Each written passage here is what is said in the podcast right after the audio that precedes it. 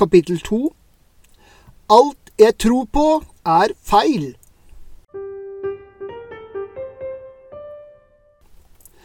Ok, bare for å få dette fullstendig klart, sa Harry.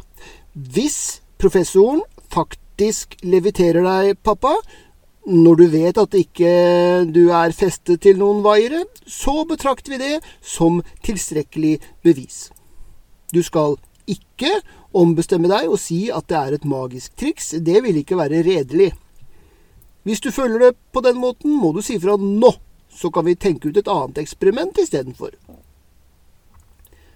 Harrys far, professor Mikael Wærnes Eving, himlet med øynene. Ja, Harry. Og du, mamma, din teori sier at professoren skal være i stand til å gjøre dette, og hvis det ikke skjer, så innrømmer du at du har tatt feil. Ikke noe om hvordan magi ikke virker hvis folk er skeptiske, eller noe sånt. Viserektor Minerva McSnurp så på Harry med et uttrykk av morskap. Hun så ganske heksete ut i sin svarte kappe og spisse hatt, men da hun snakket, hørtes hun formell og skotsk ut, hvilket ikke passet med utseendet i det hele tatt. Ved første øyekast virket hun som en som burde le en gal latter og putte spedbarn i svarte gryter, eh, men eh, hele effekten forsvant da hun åpnet munnen. Er det tilstrekkelig, herr Potter? sa hun. Skal jeg sette i gang demonstrasjonen? Tilstrekkelig? Sannsynligvis ikke, sa Harry. Men det ville iallfall hjelpe. Sett i gang, viserektor. Det holder med professor, sa hun. Og så Vingardium leviosa. Harry tittet på faren. Hø, sa Harry. Faren tittet tilbake på ham. Hø, kom det som et ekko. Så tittet professor Wærnes Eving tilbake på professor McSnurp. Ok, du kan sette meg ned igjen nå. Faren hans ble forsiktig senket mot bakken. Harry strøk en hånd gjennom håret. Kanskje det bare var den der merkelige delen av ham som allerede var overbevist, men uh, det var litt av et antiklimaks, sa Harry. En skulle tro det var mer dramatisk mentalt øyeblikk knyttet til å overvære en observasjon av mikroskopisk sannsynlighet. Harry stoppet seg selv. Moren, heksa og til og med faren ga ham det blikket igjen. Jeg mener, vi har funnet ut at alt jeg har trodd på, er feil. Seriøst, det burde ha vært mer dramatisk. Hjernen hans burde ha spylt ut hele det nåværende lageret av hypoteser om universet, siden ingen av dem tillot at noe som dette kunne skje. Men istedenfor virket det som om hjernen hans bare sa Ok, jeg så galt hvor professoren vifte med tryllestaven og fikk faren din til å sveve i lufta. Hva nå? Heksedamen smilte tjenestevillig mot dem og så ut som om hun moret seg kraftig. Ønsker du flere demonstrasjoner, herr Potter? Eh, det trengs ikke, sa Harry. Vi har utført et avgjørende eksperiment. Men Harry nølte. Han kunne ikke for det. Faktisk, under nåværende omstendigheter burde han ikke kunne for det. Det var helt på sin plass å være nysgjerrig. Hva mer kan du gjøre? Professor McSnurp gjorde seg om til en katt. Harry skvatt bakover uten å tenke seg om, gikk baklengs så kjapt at han snublet over en forvillet bokstabel og landet hardt på rumpa med et dunk. Hendene hans søkte nedover for å ta seg for, uten helt å strekke seg ut, og det kom en advarende vridning i skulderen da vekta landet for fullt. Den stripte katten morfet seg med en gang tilbake til en kappekledd kvinne. Å, jeg beklager, herr Potter, sa heksa og hørtes oppriktig ut, selv om munnviken hennes vred seg en smule oppover. Jeg burde ha advart deg. Harry pustet i korte gisp. Stemmen hans kom ut halvkvalt. Du kan ikke gjøre noe sånt! Det er bare en transfigurasjon, sa professor McSnurp. En eh, animagus-transfigurasjon, for å være spesifikk. Du gjorde deg om til en katt. En liten katt. Du brøt loven for bevarelse av energi.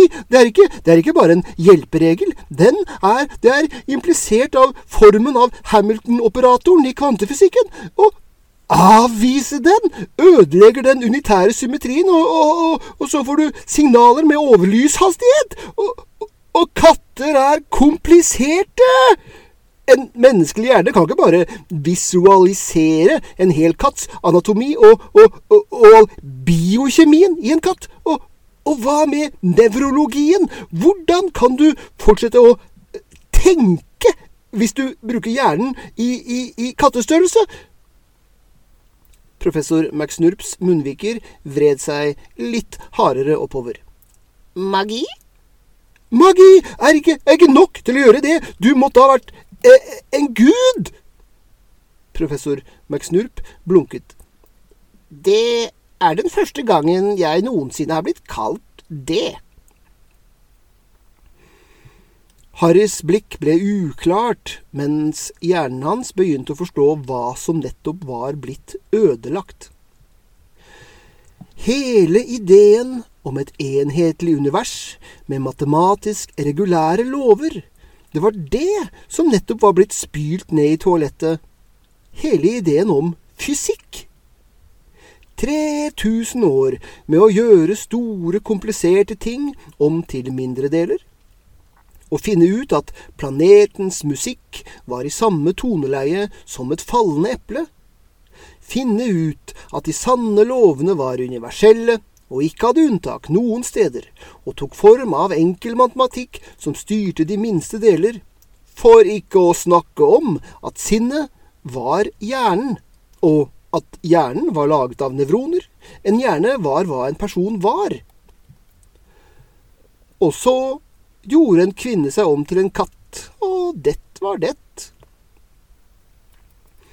Hundre spørsmål kjempet om å komme først over Harrys lepper, og vinneren rant ut. Og, og, og, og, hva slags trylleformular er egentlig Vingardium leviosa? Hvem er det som finner opp ordene til disse formlene? Barnehagetanter? Det er nok Harry Potter, sa professor McSnurp tørt, skjønt Øynene hennes skinte av undertrykket latter. Hvis du ønsker å lære om magi, foreslår jeg at vi gjør ferdig papirarbeidet slik at du kan dra til Galtvort. Riktig, sa Harry lett forfjamset. Han samlet tankene.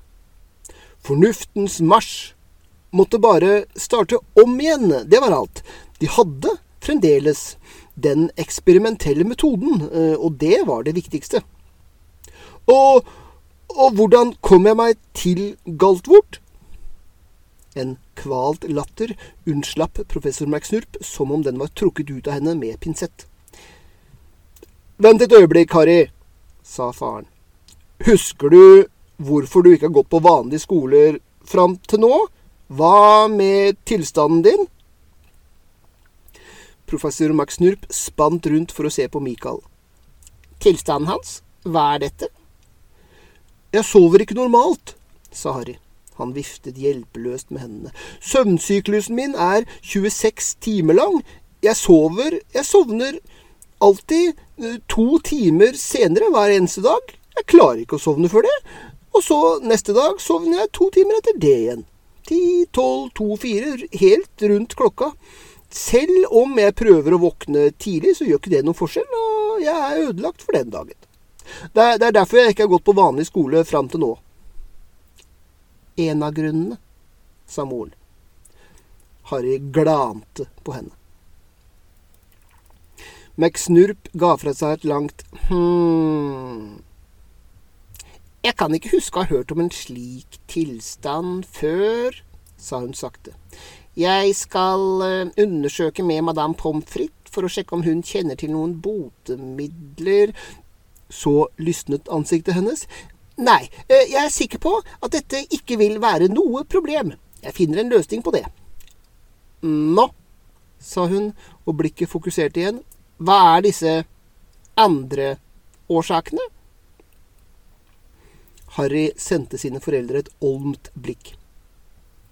Jeg nekter barneinnskriving på skolen av samvittighetsårsaker, fordi jeg burde ikke bli utsatt for et sviktende skolesystems manglende evne til å framskaffe lærere eller studiemateriell av i det minste minimal adekvat kvalitet.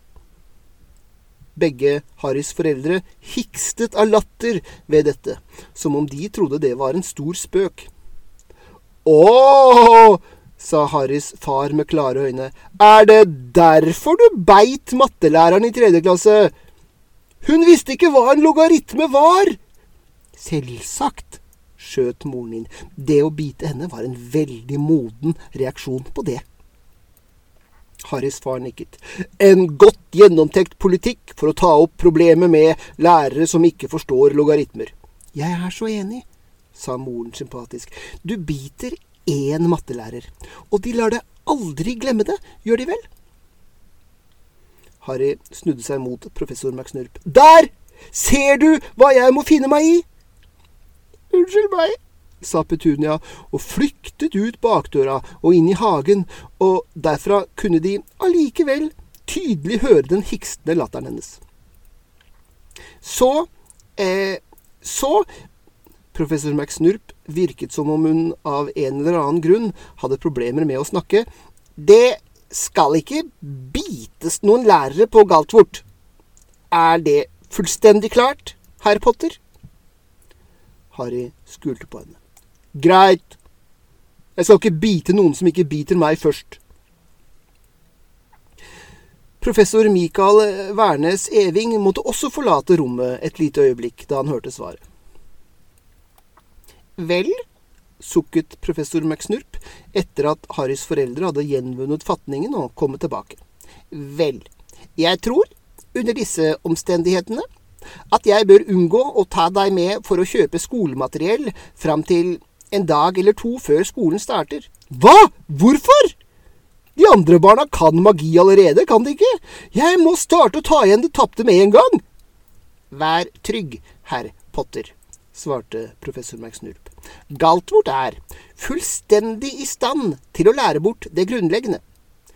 Og jeg mistenker, herr Potter, at hvis jeg lar deg være alene i to måneder med skolebøker, selv uten tryllestav, så vil jeg komme tilbake til dette huset bare for å finne et krater som spyr ut purpurfarget røyk, en avfolket by som omkranser det, og en pest av flammende sebraer som terroriserer det som er igjen av England. Harrys foreldre nikket i perfekt synkron enighet. Mamma! Pappa!